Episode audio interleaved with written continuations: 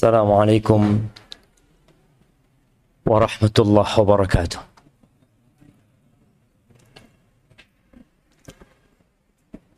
الحمد لله الذي جمعنا على الهدى والتقى Segala puji bagi Allah Jalla Jalaluh yang mengumpulkan kita di atas petunjuk dan ketakwaan kepadanya.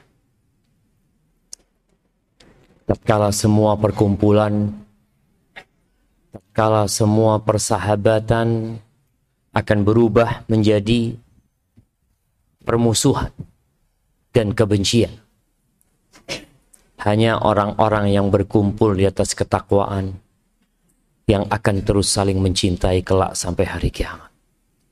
Allahumma salli wa sallim wa zid wa barik wa an'im على سيدنا ومولانا محمد وعلى آله وأصحابه أجمعين Ya Allah, semoga salawat dan salam, berkah dan nikmat senantiasa engkau curahkan untuk hamba kekasihmu, untuk baginda Nabi kita Muhammad alaihi salatu wassalam, untuk keluarga beliau, untuk istri-istri beliau, untuk putra-putri beliau, dan untuk seluruh sahabat Nabi, Semoga Allah meridhai kita bersama mereka.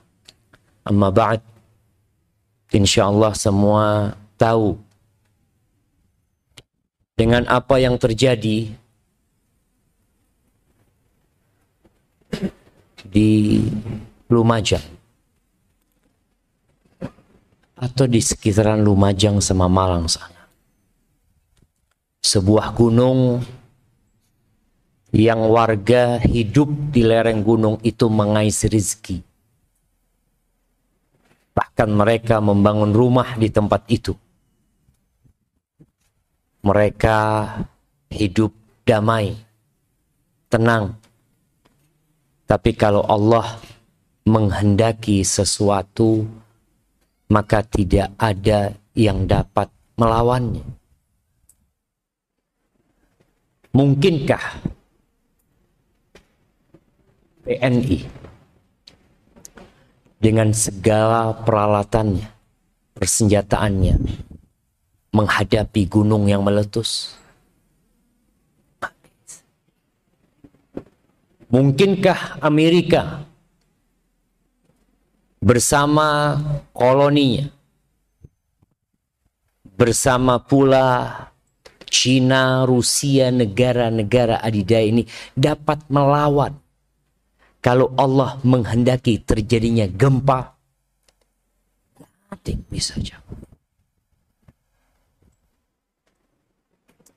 Allah Azza wa Jal memberikan musibah-musibah, petaka-petaka.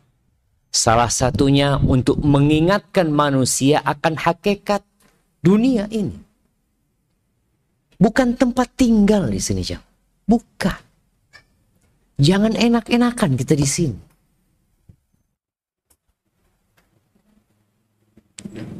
Sebagian manusia itu tertipu dengan dunia sampai mati.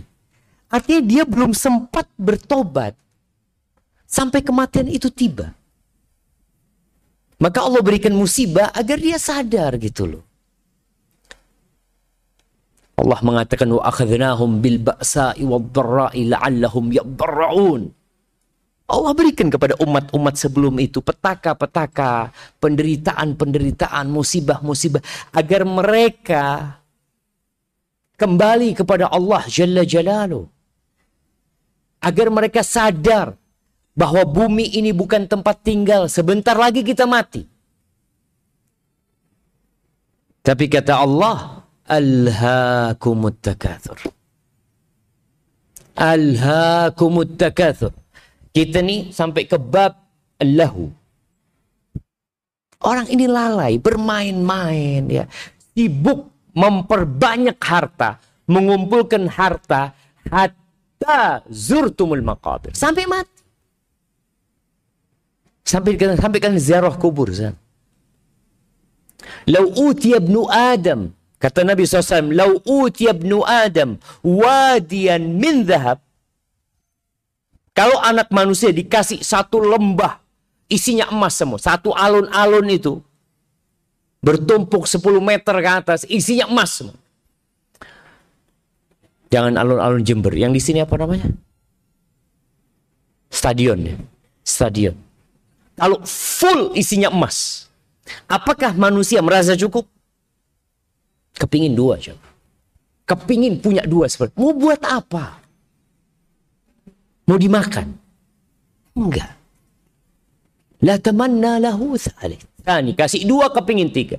Wala yamla'u Fama Adam illa turab. Yang bikin dia puas tanah. Mati selesai. Maka kita perlu mengambil pelajaran dengan apa yang terjadi di sana. Selain kita simpati terhadap saudara kita, berbagi dengan mereka, peduli dengan saudara kita, paling tidak untuk mendoakan mereka. Kalau antum tidak bisa berbagi harta, antum doakan mereka. Tapi kita ambil pelajaran bahwa yang terjadi di sana mungkin terjadi di sini. Oh, kita jauh dari Gunung Merapi. Ahibati fillah. Allah kalau menghendaki sesuatu itu tinggal mengatakan kun. Antum bayangin di kota Medina. Di zaman yang Umar bin Khattab radhiyallahu taala Pernah terjadi gempa. Di mana Gunung Merapi di kota Medina? Jauh lah ada. Mengatakan kepada penduduk Madinah waktu itu. Kalau kembali gempa itu aku akan keluar dari kota Madinah. Kata Umar mengingatkan orang-orang untuk bertobat kepada Allah Azza wa Jal. Karena sejatinya musibah-musibah turun itu karena perbuatan kita. Ma asabaka min hasanatin faminallah wa ma asabaka min sayyi'atin famin nafsi. Kebaikan yang datang kepadamu itu dari Allah. Jangan berbangga dengan dirimu. Itu dari Allah. Tapi kalau engkau dapat keburukan, jangan cari kambing hitam. Karena itu dari dirimu sendiri. Tapi banyaknya permainan, hiburan, ya subhanallah, membuat orang lalai dengan tujuan diciptakan. Kita lihat kemarin berapa banyak yang mati sudah. Kosong terbakar dengan abu tersebut.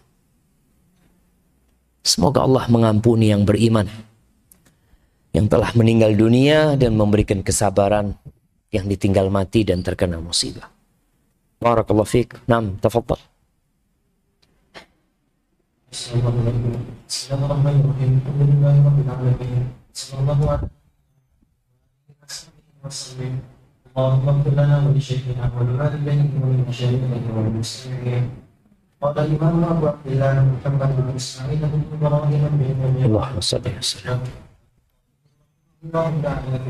اللهم باب الغنى والنهر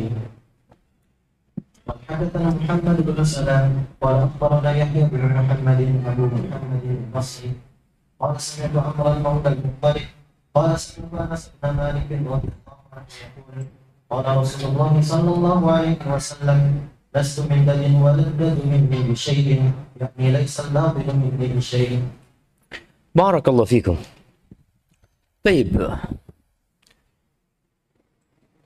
Ini sebuah hadis yang secara sanatnya dhaif.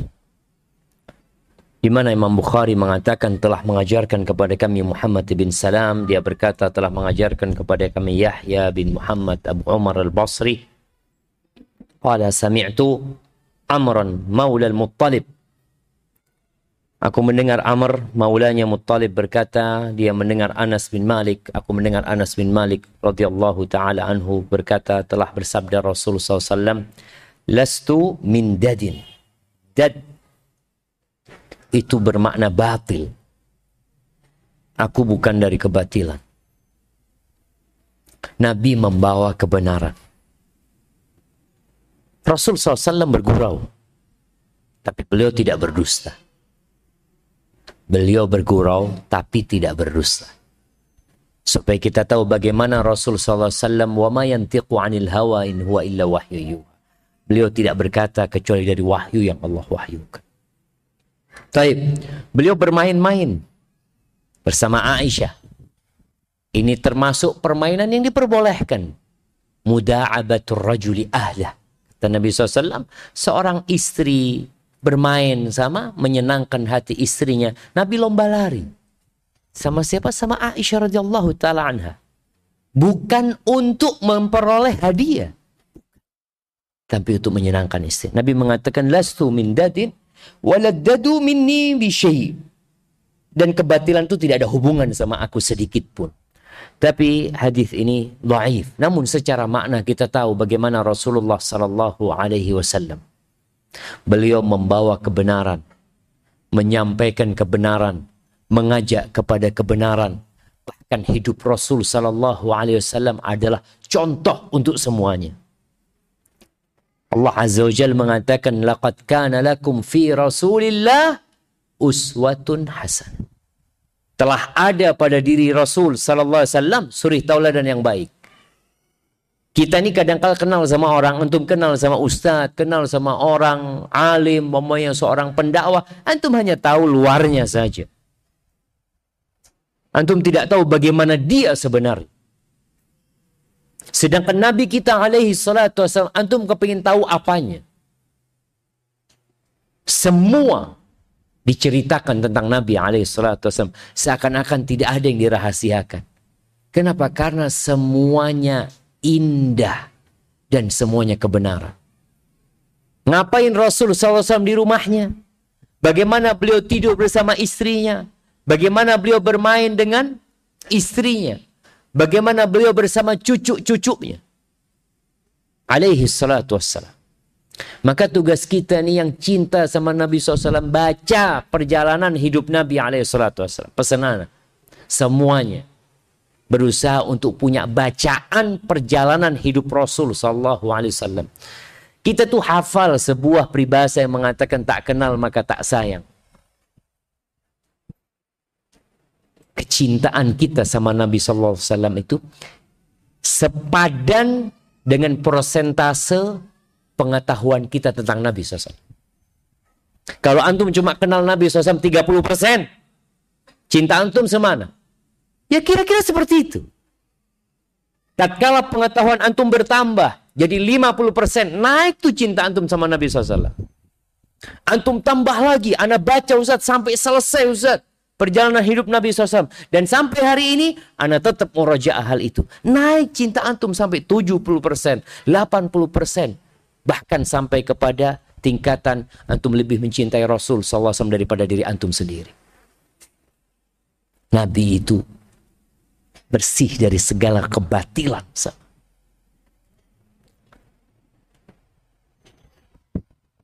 Sebelum beliau jadi Nabi, alaih salatu wassalam, disebut oleh Ibnu Hisham, Nabi mengembalakan kambing. Beliau mengembalakan kambing, ya tidur bersama kambingnya di padang rumput. Ya kalau dikatakan di Mekah bukan padang rumput ya.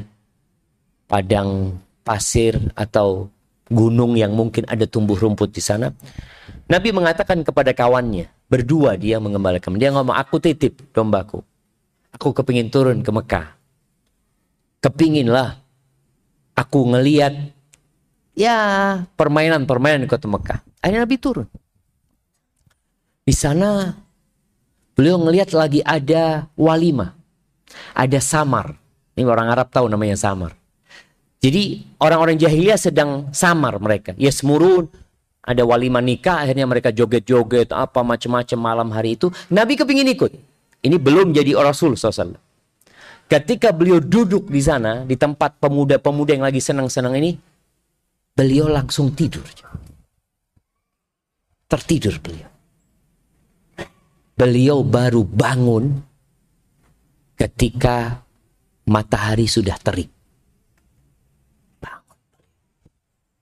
Kejadian itu yang akhirnya membuat Nabi tidak lagi mengikuti kegiatan-kegiatan pemuda tersebut.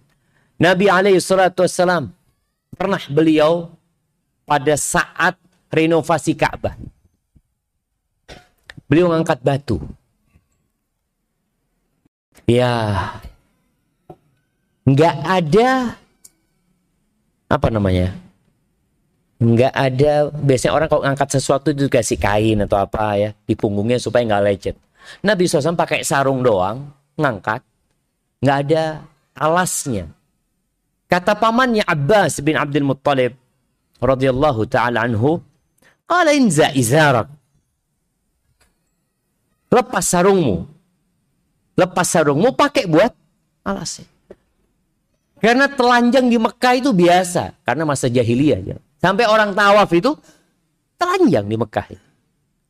Nabi SAW buka sarungnya, beliau mau pasang, beliau pingsan. Seakan-akan ada yang menampar beliau. Kemudian akan menyuruh beliau mengencangkan sarung. Sallallahu alaihi wasallam. Artinya beliau terjaga sebelum menjadi nabi alaihi salatu wassalam dan setelah beliau menjadi nabi. Itu penjagaan Allah untuk Rasul SAW dari segala kebatilan. Makanya kalau dikatakan dalam riwayat ini, Nabi bukan dari kebatilan dan kebatilan tidak ada hubungannya sedikit pun. Wa qul ja'al haqqu wa zahaqal batil. Innal batila kana zahuqa. Kebatilan itu harus hilang. Nah, sekarang hidup kita banyak hal-hal batil yang dianggap remeh sama kita. Semoga Allah menyelamatkan kita ya. Barakallahu fikum. Tapi dilanjutkan.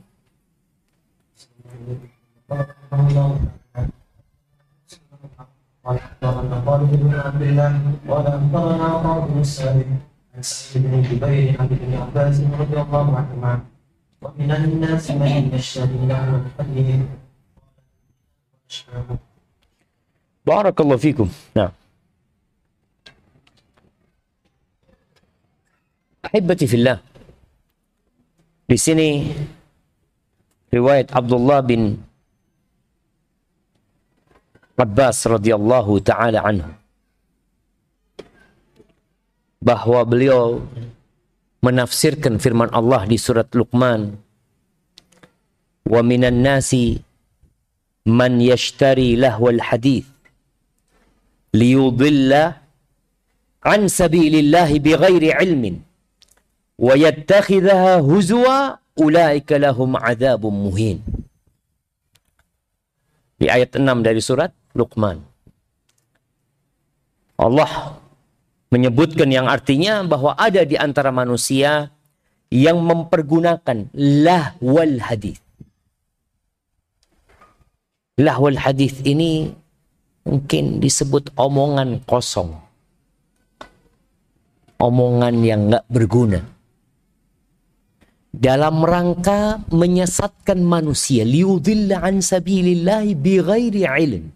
Arti akibat dia memilih lahul hadis ini akhirnya dia tersesat.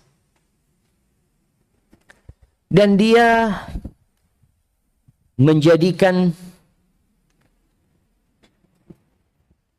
wa huzwa menjadikannya olok-olokan ini dulu orang-orang kafir coba. Kalau kita lihat bagaimana orang-orang kafir itu nggak mau dengerin Quran. Ketika Nabi membacakan Al-Quran kepada mereka, mereka berusaha untuk memalingkan umat manusia dari Quran ini. La tasma'u li hadzal Quran wal.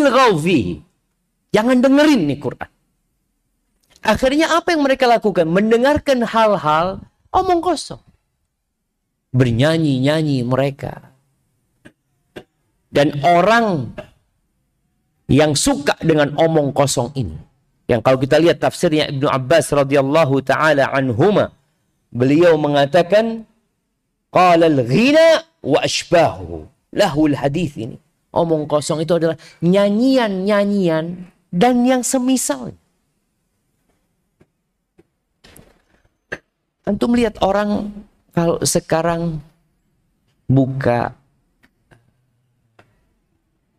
Instagram ya atau TikTok. Anda lihat di TikTok itu mulai ada Quran. Orang bikin bikin video-video yang isinya Al-Qur'anul Karim ya. Dengan harapan orang itu berhenti di sana. Tapi kira-kira berhenti nggak dia? Dia skip itu cuma. Jadi kalau ada yang bermanfaat, dia tinggalkan. Kenapa? Hati dia nggak suka. Karena sudah terbiasa dengan kebatilan. Sampai kadang kala anak membaca ada tulisan, jangan skip ya. Tolong jangan skip. Sampai jangan, jangan dilewatin nih. Jangan dilewatin. Yang seharusnya kau lewatin kebatilan. Kau lewatin sampai kau dapat kebenaran. Sampai kau dapat manfaat. Maka kalau di sini ditafsirkan oleh Abdullah bin Abbas radhiyallahu taala anhu bahwa termasuk lahul hadis adalah nyanyian-nyanyian dan yang semisalnya. Abdullah bin Mas'ud radhiyallahu taala anhu ketika ditanya tentang ayat ini juga, wa minan nasi may yashtari lahwal hadis. Orang ini memilih omongan-omongan omongan-omongan kosong ini. Apa kata Abdul Mas'ud ketika beliau ditanya, Beliau mengatakan huwal ghina walladzi la ilaha illa hu. Itu nyanyian-nyanyian maksudnya. Demi yang tiada Tuhan yang berhak disembah kecuali dia. Beliau bersumpah tiga kali. Mengatakan bahwa yang dimaksud adalah ghina. Tapi dari tafsir Abdullah bin Abbas, beliau lebih mengatakan umum jamaah. Ahibati fillah,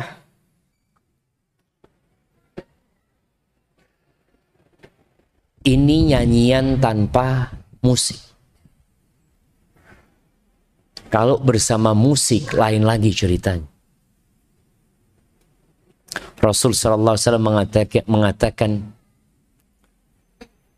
la ya'tiyanna 'ala nasi akan datang kepada manusia ini masa di mana orang-orang itu yastahillunal hira wal harira wal khamra wal ma'azif. Ini hadis diriwayatkan Imam Bukhari secara muallak tapi hadis itu mausul. Sebagaimana disebutkan oleh Abdullah bin uh, oleh Ibn Hajar rahimahullahu taala. Akan datang satu masa di mana orang-orang akan menghalalkan zina. Zina dianggap halal Zina dianggap legal. Yang nggak halal itu kalau ada unsur pemaksaan. Itu dianggap pelecehan, pemerkosaan. Tapi kalau suka sama suka, lu mau gimana? Datang tuh masa jemaah. Orang menghalalkan perzinaan. Na'udzubillah min dhalik. Yang kedua sutra bagi kaum laki-laki. Ana wallahi ketemu sama orang di Jakarta. Berapa tahun yang lalu? 15 tahun yang lalu. Sekolah di perguruan tinggi agama. Ana sama adiknya. Waktu di Libya ke rumahnya. Dia tanya. Menurut antum, sutra hukumnya apa? Ana ngomong nggak boleh gitu. Kenapa nggak boleh? Ya memang kan ada hadisnya. Nabi menyebutkan hal itu nggak boleh buat kaum laki-laki. Gitu. Alasannya apa? Eh, kalau alasannya wallahu alam bisa jadi karena itu barang yang khusus buat perempuan gitu ya. Tapi dia Nabi mengharamkan. Dia mengatakan kalau itu diharamkan karena barang mewah berarti mobil mewah haram. Permata haram. Subhanallah dia menganggap nggak relevan lagi gitu hadis itu. Kan datang orang-orang kalau orang pakai sutra tapi menganggap itu haram, ya dia dosa. Tapi ini sampai tingkatan menghalalkan. Berarti dia tidak merasa itu dosa karena dia nggak halal sudah buat dia gitu Zina pun tadi kalau orang merasa enggak anak berzina dosa ini. Ada tingkat enggak, enggak apa-apa Ustaz. Yang dosa itu kalau ada unsur pemaksaan. Na'udzubillah min dzalik. Wal khamra, khamr. Akan datang orang-orang yang menghalalkan khamr. Antum tahu sekarang khamr itu namanya apa? Anak ketika naik pesawat, pesawat Emirat ya, pesawat Abu Dhabi apalah itu kan dikasih dikasih anu coba dikasih menu Tidak ada khomer ternyata di sana. Tidak ada khomer. Padahal anak dengar pesawat itu menyediakan khomer. Di mana? Oh, ternyata namanya al-mashrubat ar-ruhiyah. Spirit apa ya? Spirit minuman gitulah apa bahasa Inggrisnya. Jadi minuman ruh. Jadi bukan khomer. Jadi mereka memberikan nama itu supaya orang tidak terbebani untuk minum itu. Anak punya abah kemarin cerita, dia cerita waktu anak ngomong, bah mau berangkat umroh lagi, bah, aduh ya nggak tahu lah kakinya kuat apa enggak kata abah. Cuma dia cerita, abah waktu terakhir umroh itu naik pesawat Emirat itu Allah. Abah lihat ada minuman kecil ya, di bawahnya ada, ada turis gitulah ngambil. Abah anak ngomong, oh saya juga mau itu kata dia. Karena nggak tahu. Kata abah setelah dicium naudzubillah ternyata khomer. Datang tuh masa. Kemudian yang keempat, kata Nabi SAW, wal ma'azifa. Orang-orang menghalalkan alat musik. Dia kepala, nggak apa-apa gitu. Mungkin akan ada orang mengatakan, Ustaz kan ada khilaf di antara para ulama. Ya, tapi antum kaji kembali. Itu termasuk kebatilan apa kebenaran? Apakah tatkala antum mendengarkan hal itu semakin bertambah keimanan antum? Ikut konser musik di mana hadir. Ya Allah Ustaz, setelah anak hadir besoknya anak bisa sholat malam. Alhamdulillah Ustaz, Alhamdulillah anak sejak hadir konser itu paginya bisa sholat duha Ustaz. Anak sholat qobliyah ba'diyah itu jadi semangat Ustaz. When jemaah? Di mana itu terjadi? Yang ada Quran ditinggalkan. Karena memang surga itu diliputin dengan perkara-perkara yang dibenci oleh jiwa dan neraka dipageri dengan perkara-perkara yang disenangi oleh jiwa. Jadi kalau dihadapkan antara Quran dengan musik, orang pilih mana? Antum mahasiswa. Mahasiswa pun. Hati Allah enak saat dengarkan Ustaz. Antum bisa lihat orang ketika dengarkan musik. Kakinya goyang. Halo, ada apa? Nggak, dipegang kakinya tetap goyang. Karena memang sudah merasuk ke tubuhnya. Itu termasuk lahul hadid sebenarnya. Sehingga kita perlu berhati-hati kalau masih ada yang mengatakan ada khilaf di antara ulama, tolong dikaji kembali. Bagaimana imam yang empat itu mereka bersepakat atas terlarangnya perkara ini jemaah. Barakallahu fikum. Dilanjutkan.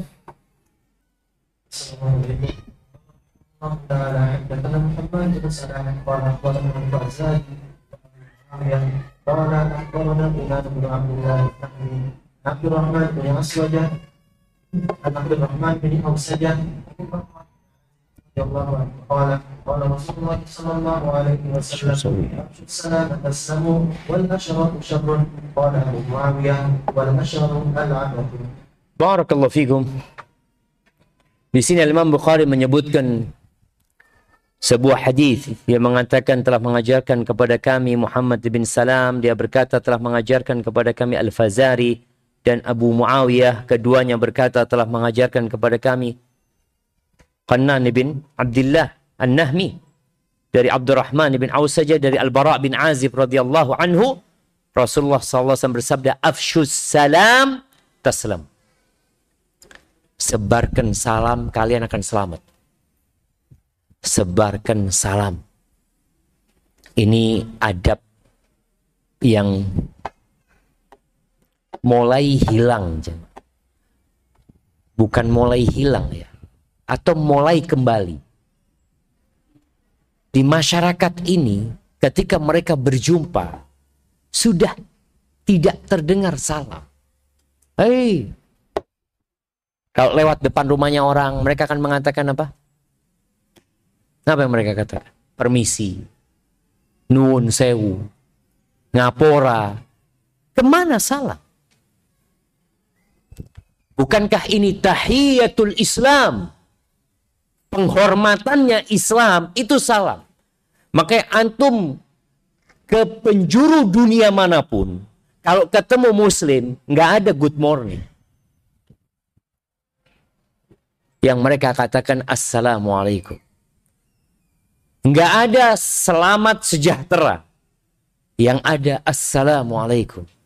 Anda masih ingat tatkala ke Spanyol, kita masuk ke sebuah museum, dia melewatin pemeriksaan. Ya, Ana masa mengucapkan salam sama mereka enggak? Ketika Ana lewat, ada penjaganya mengatakan Assalamualaikum. Ana katakan Waalaikumsalam warahmatullahi wabarakatuh. Dia mengatakan Ana Muslim. Subhanallah jemaah. Muslim itu kelihatan dari wijihnya tuh kelihatan dari wajahnya tuh udah ini Muslim. Subhan, Anda nggak ngelihat dia Muslim gitu, karena ya sama kayak yang lainnya gitu. Tapi dia ketika itu mengucapkan salam kepada Assalamualaikum. Ini tahiyatul Islam. Dan Nabi SAW ketika beliau hijrah sampai ke kota Madinah. Nih, mahasiswa nih orang-orang asing di Jember sini. Antum mendatang di sini. Ada sebuah magalah yang mengatakan, Ya gharib kun adib. Wahai orang asing, belajar adab engkau. Engkau bukan di kampungmu. Orang kalau di kampungnya sendiri semuanya saudara dia ini tuh di sini antum nggak ada siapa-siapa. Nabi Alaihissalam ketika hijrah sampai kota Madinah, beliau tahu orang-orang muhajirin ini orang asing. Dalam artian mereka bukan penduduk Madinah. Maka harus ada penyatu di antara orang-orang muhajirin dan orang-orang ansar. Rasul SAW mengatakan ayuhan nas afshus salam. Pertama beliau katakan ayuhan nas afshus salam. Tebarkan salam. Wa at'imut ta'am. Hendaklah kalian berbagi makanan. Wasilul arham, sambung silaturahim kalian. Wasallu bil laili wan nasu niyam tadkhulul jannata bisalam. Salatlah kalian di malam hari tatkala orang-orang tidur, niscaya kalian akan masuk surga dengan selamat. Beliau mulai dengan tebarkan salam. Jadi antum hendaklah menebarkan salam. Di antara tanda-tanda kiamat itu orang mengucapkan salam hanya kepada yang kenal.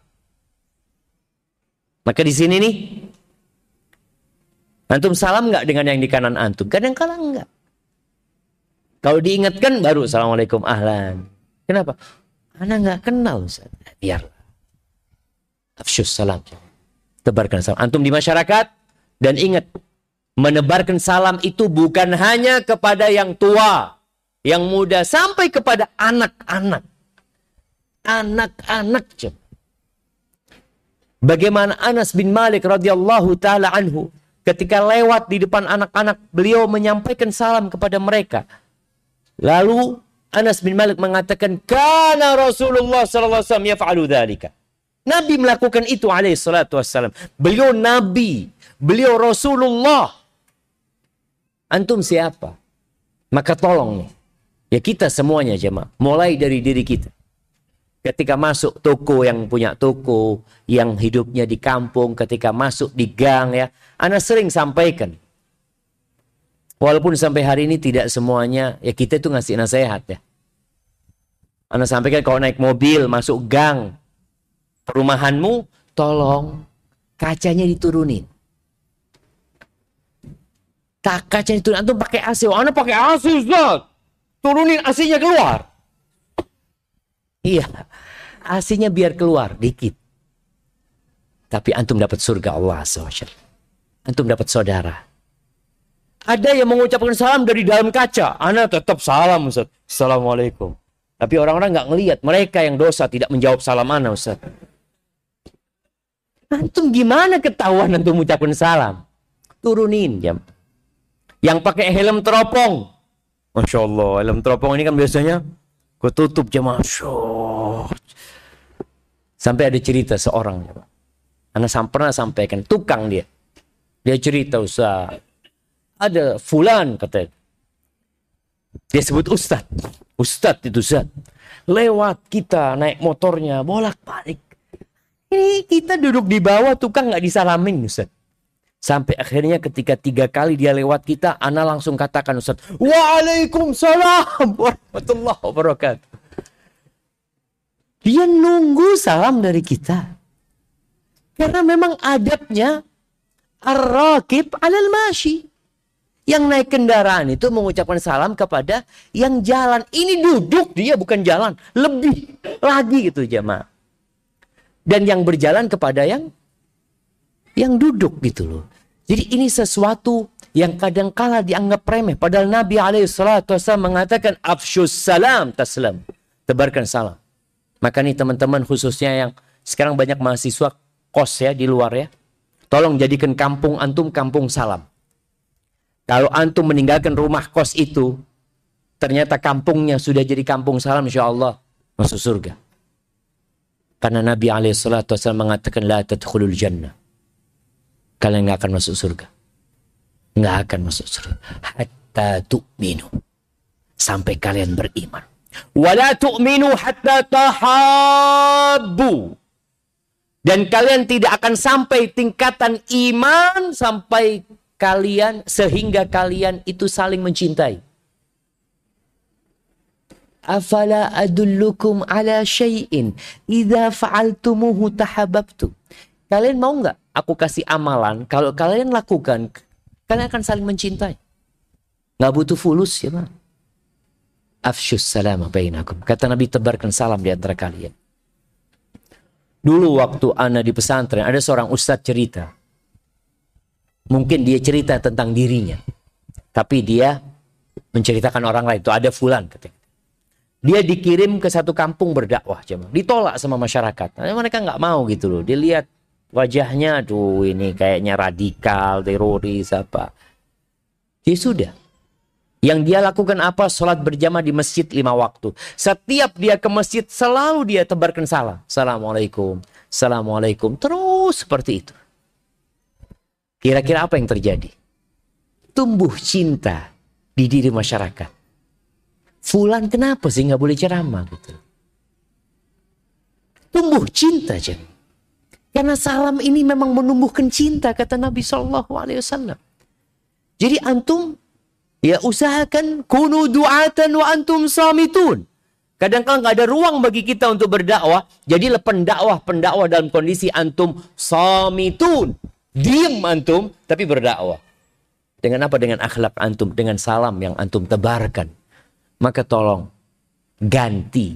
Bukan ganti. Nggak perlu mengganti permisi. Permisinya tetap, tapi tambahkan Assalamualaikum. Dan mungkin antum tidak akan dijawab. Orang antum, Assalamualaikum. Enggak. Assalamualaikum, enggak. Kadang-kadang dia tidak terbiasa. Tapi lama kelamaan. Dia akan sadar, loh orang ini ternyata salam ya. Saat kadang kala jawabannya, Waalaikum. Ya sudah, apa pun jawabannya, antum nggak usah nggak usah ngurus jawaban orang. Kita ngurusin diri kita. Kita ngurusin diri kita. Ustadz, daripada Anda membuat dia berdosa kalau tidak jawab salam. Anda kesian Ustadz. Nanti dia berdosa. Kalau Anda salam dia tidak jawab. Ini kan kita ngurusin orang. Laksanakan tugas antum. Laksanakan tugas antum. Yang kata Nabi SAW. Kalau kau berjumpa, ucapkan salam.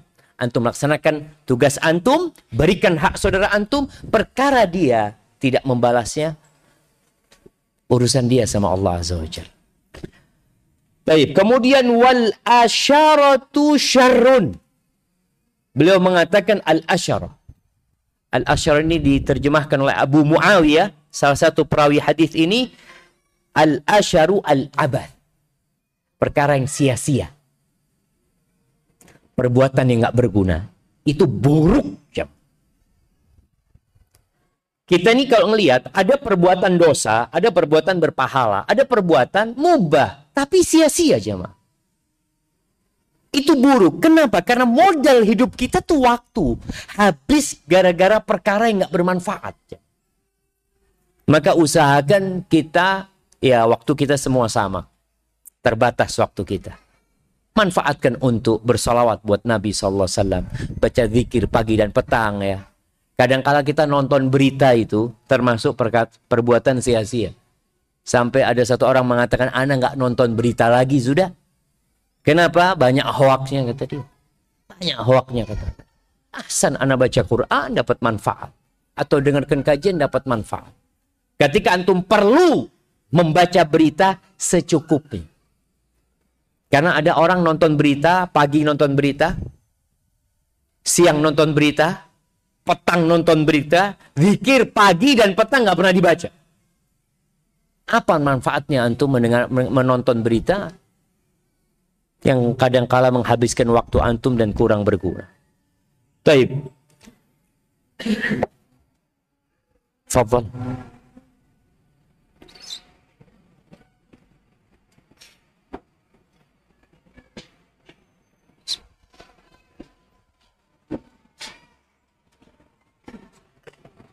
الله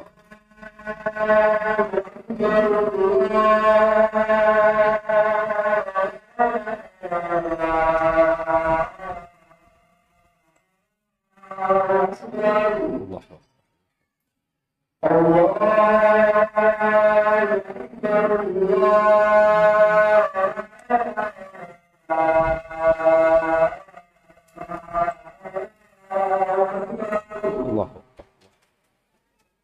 lalu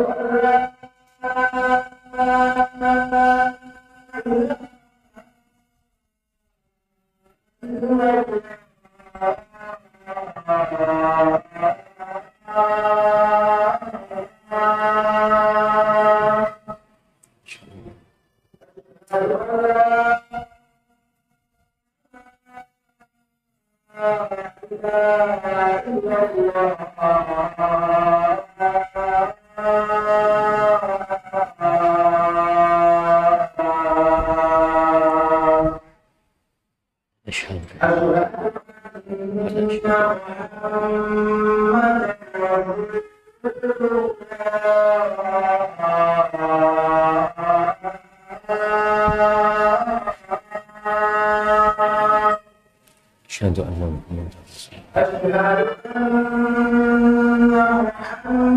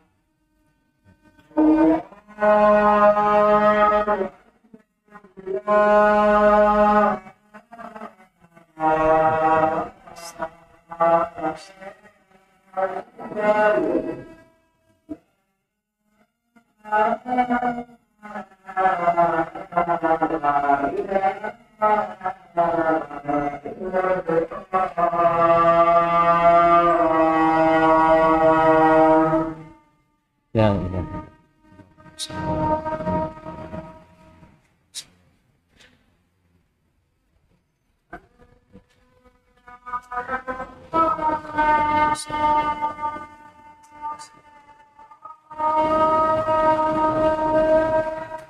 Baik.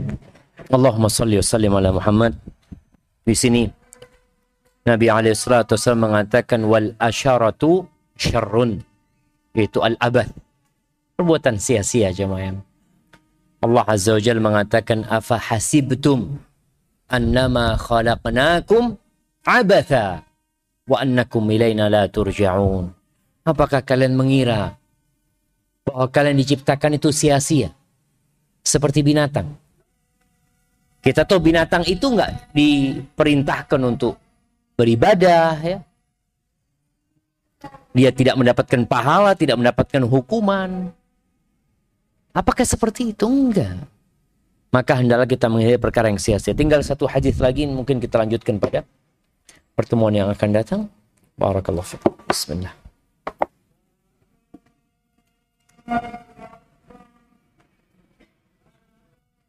Assalamualaikum izin bertanya Ustaz, apa hukumnya mengucapkan salam atau menjawab salam lawan jenis? Barakallahu fikum. Sebenarnya hukumnya sama. Hak muslim atas muslim yang lainnya itu ya kalau kita berjumpa kita ucapkan salam. Namun para ulama membahas tentang mengucapkan salam kepada asyabah seorang pemudi yang masih muda. Kalau dikhawatirkan fitnah, nggak perlu. Artinya kita mengkhawatirkan terjadinya fitnah. Assalamualaikum, kemudian ketawa-ketawa, senyum, gitu. Apalagi kadang-kala memang mengucapkan salamnya ada niat lain gitu loh. Kalau kepada yang tua, aman insya Allah. Tapi sebenarnya kalau kita aman dari fitnah, ya ucapkan salam gitu loh. Assalamualaikum ketika lewat, ya ucapkan assalamualaikum kepada. Cuma hati-hati dengan fitnah karena ya kita tahu min plus bisa nyetrum.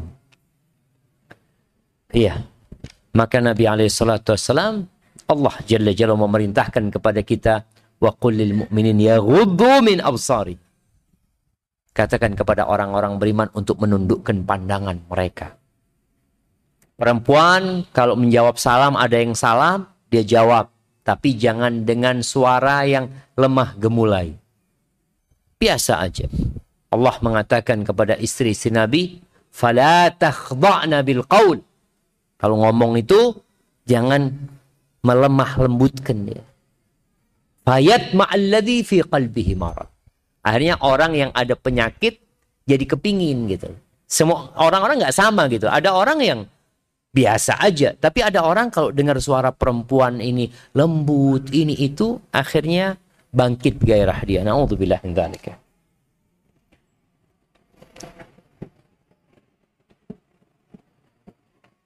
Assalamualaikum warahmatullahi wabarakatuh. Ustadz, Ana mau bertanya, apakah benar budaya salam itu berasal dari risalah Nabi Ibrahim alaihissalam. Sampai dalam agama Nasrani ada salam yang dikenal sebagai Salam alaihim. Iya. Yang artinya dikatakan mirip dengan Assalamualaikum. Sampai ada yang menya, ada yang menyebutkan salam umat Islam itu hanya meniru. Barakallahu fikum. Nah, jemaah kalau bicara salam, Nabi Musa pun mengucapkan salam. Makanya salam ini tahiyatu ahlil Islam. Penghormatan orang Islam gitu Jadi kalau dikatakan umat Islam meniru Nabi Ibrahim alaihissalam, Allah mengatakan fattabi millata Ibrahim. Memang disuruh mengikuti ajarannya Nabi Ibrahim alaihissalam. Jadi kalau dilihat ada banyak hal yang pertama yang melakukannya Nabi Ibrahim alaihissalam yang kita melanjutkan. Nah, jadi kalau mungkin di antaranya assalam di mana Nabi Musa alaihissalam ketika mengucapkan salam kepada Khadir kepada Khadir dia mengucapkan salam ya. Lalu Khadir mengatakan anna bi ardis salam. Dari mana ada salam di bumi ini kata dia. Siapa engkau kata dia. Qala ana Musa. Qala Musa bani Israel. Qala na'am Musa bani Israel. Jadi salam memang sudah ada sebelum itu. Jadi kalau bicara Islam, Islam ini ada makna khusus, ada makna umum. Makna umum adalah al-istislamu lillahi bitauhid wal inqiyadu lahu bitta'ah. Jadi yang disebut dengan Islam makna umum itu nah adalah berserah diri kepada Allah dengan mentauhidkan Allah. Tunduk dan patuh kepada Allah, meninggalkan kesyirikan dan pelaku kesyirikan. Ini Islam Ya mungkin sebagian orang-orang menyebutkan Islam dengan huruf I kecil. Islam. Yang masuk di dalamnya semua agama para nabi. Karena semua nabi itu mentauhidkan Allah Azza wa Jal, tunduk dan patuh kepada Allah, dan mereka berpaling dari kesyirikan dan pelaku kesyirikan. Itu makna Islam secara umum. Sehingga kalau dikatakan uh, semua nabi itu Islam, sahih. Berarti orang Nasara Islam. Nabi Musa membawa syariat Islam. Nah, sedangkan orang-orang Nasara sekarang yang nggak Islam lagi. Karena mereka tidak tunduk mentauhidkan Allah Azza wa Jalla, mereka melakukan kesyirikan. Tidak lagi gitu. Jadi Islam ada makna umum. Makna khusus Islam itu agama yang dibawa Nabi alaihi salatu wassalam yang beliau mengatakan bunyal islamu ala khamsin. Islam itu dibangun di atas lima perkara. Ini uh, Islam dengan makna khusus. Barakallahu fikum. Assalamualaikum Ustaz. Ingin bertanya, apa hukum solawat yang dimusikkan seperti yang ada pada zaman sekarang? Ahibati fillah, kita disuruh bersolawat kepada Nabi alaihissalatu wassalam. Sallu alaihi wasallimu taslim. Salawat ini ibadah. Dan ibadah itu dibutuhkan kekhusyuan. Bagaimana kita menghayati. Jadi solawat ini bukan hiburan. Tapi itu adalah ibadah kita. Allah Azza wa Jal bersolawat kepada Nabi SAW. Gimana solawatnya Allah kepada Nabi SAW? Gimana salawatnya malaikat-malaikat kepada Nabi wassalam. Ya seperti itulah kita bersolawat. Ketika Allah Azza wa Jalla mengatakan innallaha wa malaikatahu yusalluna 'alan nabi ya ayyuhalladzina amanu sallu alaihi wa sallimu taslima. Engkau contoh. Jadi ini sebuah ibadah yang dilakukan oleh Allah Azza wa Jalla kepada Nabi. Artinya Allah itu bersolawat kepada Nabi. Kita ikut gitu loh.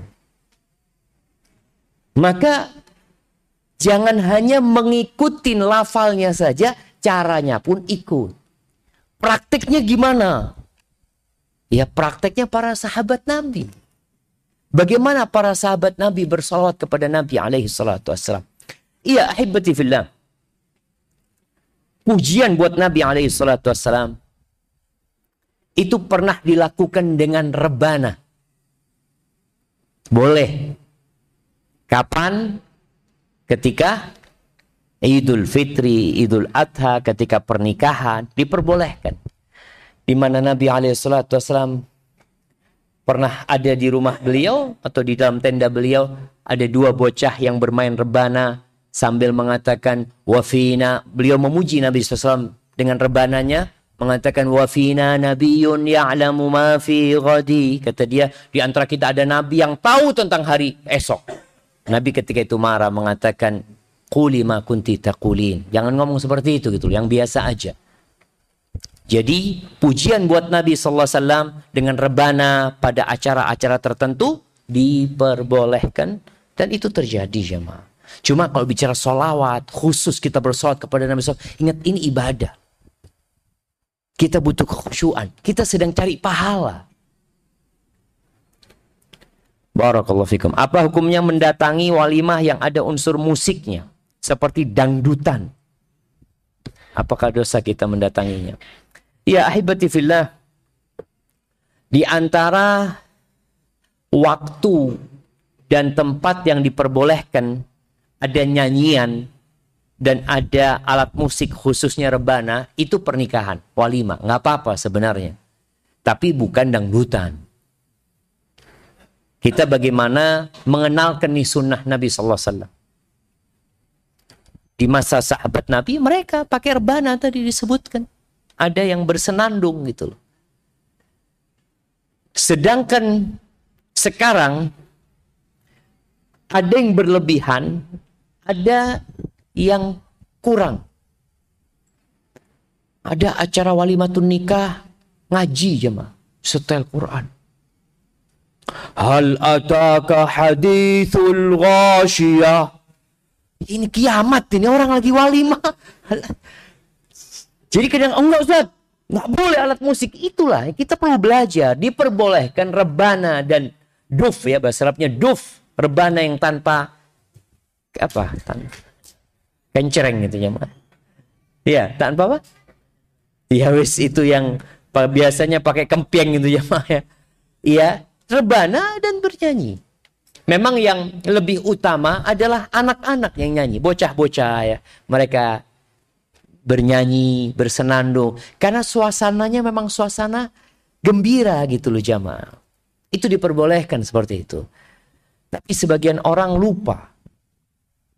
Dia ngundang penyanyi dangdut. Dia ngundang penyanyi ular. Dia menganggap hal itu diperbolehkan. Gimana kok? bisa mendatangkan murka Allah Azza wa Jal. Biduan-biduan perempuan. Ya na'udzubillah kadang-kala bencong-bencong yang nyanyi ya maaf. Dan orang ketawa-ketawa seneng. Yang ngundang bapak haji atau apa anak astagfirullah. Antum lihat, anak-anak pernah dapat kiriman ini loh. Orang jemaah haji pulang. Jemaah haji pulang biasanya kan ngundang orang-orang. Itu ngundang dangdutan, biduan perempuan dengan pakaian yang seksi Apakah dikatakan diperbolehkan musik kayak gitu? Lah, syama. Maka ya kita kalau mau hadir tadi usahakan memang ya tempat pernikahan yang ada hiburannya tapi tidak keterlaluan, paling nggak pakai duf, ada nyanyi-nyanyi di situ jamaah. Barakallahu fikum.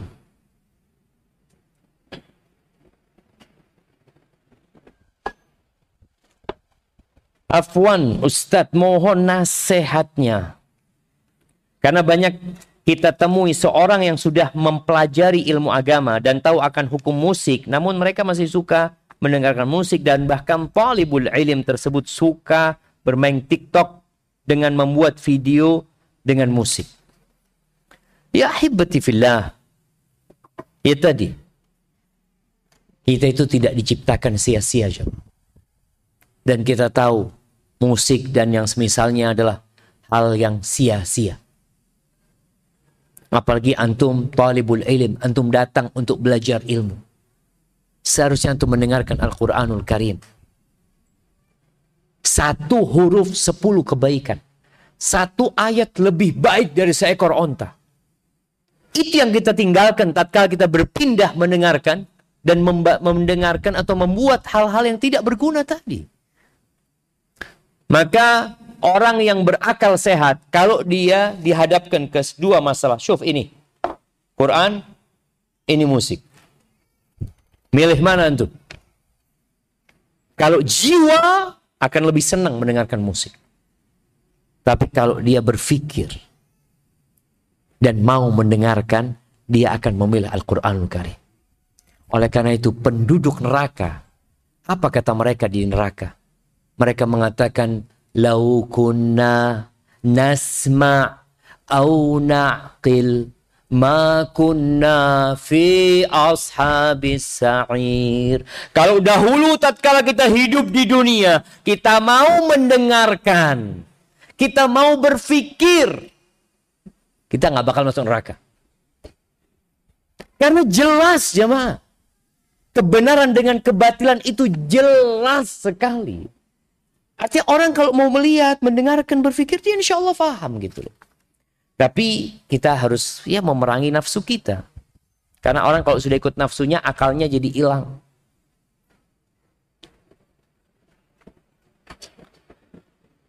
Afwan, Ana izin bertanya. Ana seorang akhwat. Ana belum paham ta'aruf yang benar. Apalagi untuk orang yang mungkin baru kenal. Dan dia juga mungkin belum tahu keluarga dekat dari si ikhwan atau akhwat. Mungkin itu Ustaz. Oh kita harus bikin kajian khusus ini jemaah. Baik. Ingat kalau bicara ta'aruf, ta'aruf itu Tujuannya mengenal. Mencari tahu fulan ini siapa, fulanah ini siapa. Boleh jadi kita tahu itu dengan CV. Sekarang kan alhamdulillah semua orang bisa baca, bisa nulis. Ya, kebanyakan orang. Dulu nggak bisa. Maka paling nggak kalau orang itu ingin mengenal, akan kepingin kenal sama fulan, ya sudah. Kirim CV-nya. Baik, CV yang dikirim itu paling tiga udah dapat nilai 50% tentang dia. Kita tahu, biasanya kan di CV itu ditulis apa sekarang? Uh, apa yang disukain ya, apa yang nggak disukain karakter buruknya apa, ngambulan, kayak nangisan atau apa. Biasanya disebutkan. Ini cuma 50%. Karena lihat banyak sekarang biru-biru ta'aruf ya. Biru ta'aruf apa? Bukan biru cuma. Hah? Biro jodoh ya. Biro jodoh. Jangan percaya kepada yang ditulis di sana kecuali 50%. Sudah banyak korbannya yang percaya dengan yang tertulis di sana. 50% ya gimana cari tahu dari orang lain. Ta'arufnya itu lewat yang lainnya. Kalau kita tanya kepada perempuan tersebut, boleh nggak nanti ngomong saat anak tanya ini tuh boleh nanti, asalkan tidak berkholwat. Kalau ada yang ingin dibicarakan gitu, datang kepada keluarganya. Tapi lisan itu bisa berdusta. Orang tuh bisa ngomong. Data itu bisa direkayasa, dibuat. Ditanya kajian yang biasa dihadiri. Kajian Ustadz Syafiq, Ustadz Fulan, Ustadz. Betul dia nggak bohong, sekali doang hadirnya. Terus nggak pernah hadir gitu loh. Dia tulis di sana. Maka antum perlu cari tahu dari orang lain. Dari kawannya. Kalau dia kerja, Nabi SAW ini buat akhwat nih ingat. Nabi SAW menitik beratkan kepada dua perkara. Agama dan akhlak. Kalau bicara agama mungkin bisa cari tahu dengan ya masjid yang dekat rumahnya. Gimana fulan ini ke masjid apa enggak? Gimana ibadahnya fulan? Tanya, ada imam di sana tanya, Fulan gimana? Masya Allah, Fulan. Yang rumahnya di gang sebelah masjid. Iya, Masya Allah. Setiap anak khutbah Jumat, selalu kelihatan telat ya datangnya. Itu, calon yang kau mau kawinin tuh kayak gitu. Telat ya terus Jumatannya. Ini agama. Ya perlu nggak apa-apa. Ini termasuk ghibah yang diperbolehkan. Kita cari tahu seperti itu. Fulan suka telat sholatnya. Subuh nggak pernah kelihatan. Oh mungkin dia sholat di masjid jami. Oh, Ustaz, Wallahu alam. Artinya dia nggak pernah kelihatan sama dia. Yang kedua akhlaknya. Ta'aruf tentang akhlaknya ini dari mana? Dari tempat dia kerja, dari kawan-kawannya. Cari tahu gimana fulan. Kalau di masjid kan agamanya yang kelihatan.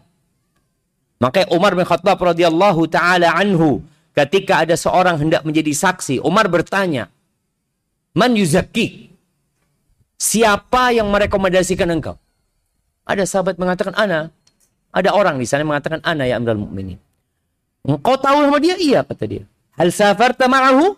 Engkau pernah melakukan perjalanan jauh safar dengan dia? La ya Amirul Mukminin. Hal amaltahu bidirhamin au dirhamain? Engkau pernah muamalah urusan fulus? Dua dirham, satu dirham atau satu dinar, dua dinar. Pernah urusan fulus sama dia? Enggak ya Amirul Mukminin. Qala hal jawartahu? Engkau bertetanggaan sama dia? Sehingga kau tahu keluar masuknya dia. Qala la ya Amirul Enggak, enggak, aku enggak pernah. Oh, la'allaka ra'aitahu yusalli fil masjid. Engkau mungkin kelihatan dia sholat di masjid. Iya ya Amirul Mukminin. Anta la ta'rifu. Engkau enggak kenal sama orang ini. Jadi kalau mau kenal, ya kita perlu tahu kawannya. Siapa sohibnya? Gimana dia di tempat kerjanya? Kadang kalau tahu, Pak Fulan di tempat kerjanya telat terus. Telat Fulan di kantor karena kalau dia ya main game ini dan itu. Dan yang paling parah Fulan ini yang kau tanyakan dua tahun punya utang sama nggak bayar. Oh selesai sudah. Antum cari yang lain ya jemaah. Nah.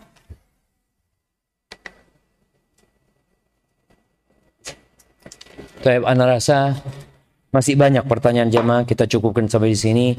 Subhanakallahumma bihamdika asyhadu an la ilaha illa anta astaghfiruka wa atubu ilaik. Wassalamu alaikum warahmatullahi wabarakatuh.